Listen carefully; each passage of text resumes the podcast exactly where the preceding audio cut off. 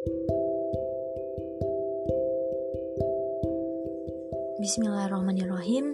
Kuucapkan salam kedamaian bagi penduduk langit dan bumi. Assalamualaikum warahmatullahi wabarakatuh. Selamat pagi, siang, sore, malam, dan kapan pun kalian mendengar ini, selamat datang di ruang kura Kui Bicara bersama aku, Saila. Hari ini aku membahas perihal menerima rasa kecewa.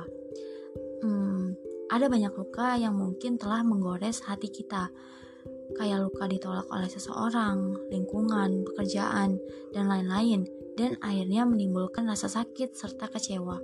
Gak jarang, di saat masa-masa tergelap, luka-luka tersebut berbisik di pikiran kita, kayak, kamu tuh gak ada gunanya, kamu bisa apa sih? Atau, kamu gak pantas dapat apa-apa karena kamu tuh gak berharga.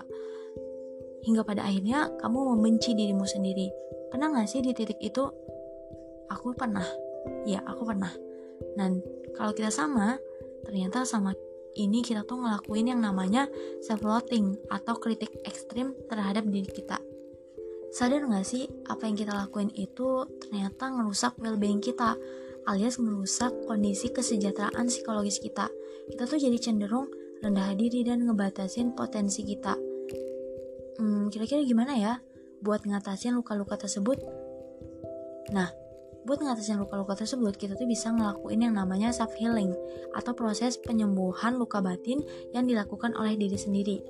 Self healing yang manjur yaitu self acceptance alias penerimaan secara utuh terlepas dari kelebihan dan kekurangan kita. Nah, saat uh, datang rasa kecewa, maka kita harus menerimanya.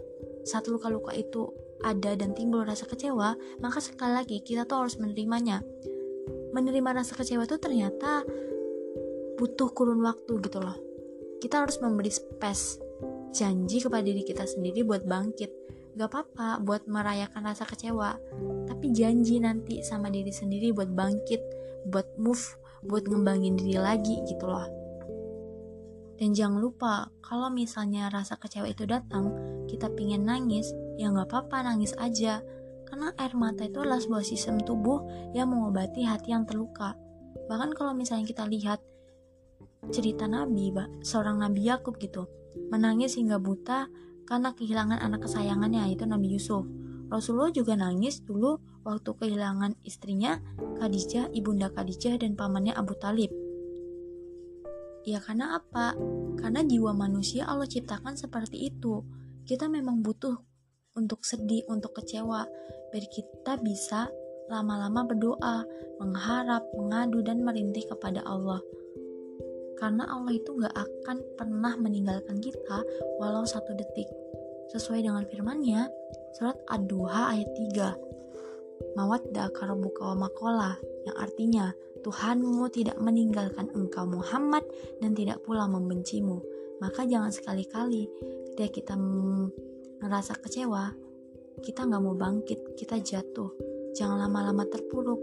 Ada Allah yang mau membersamai kita, bangkit buat kita mengembangkan diri kembali.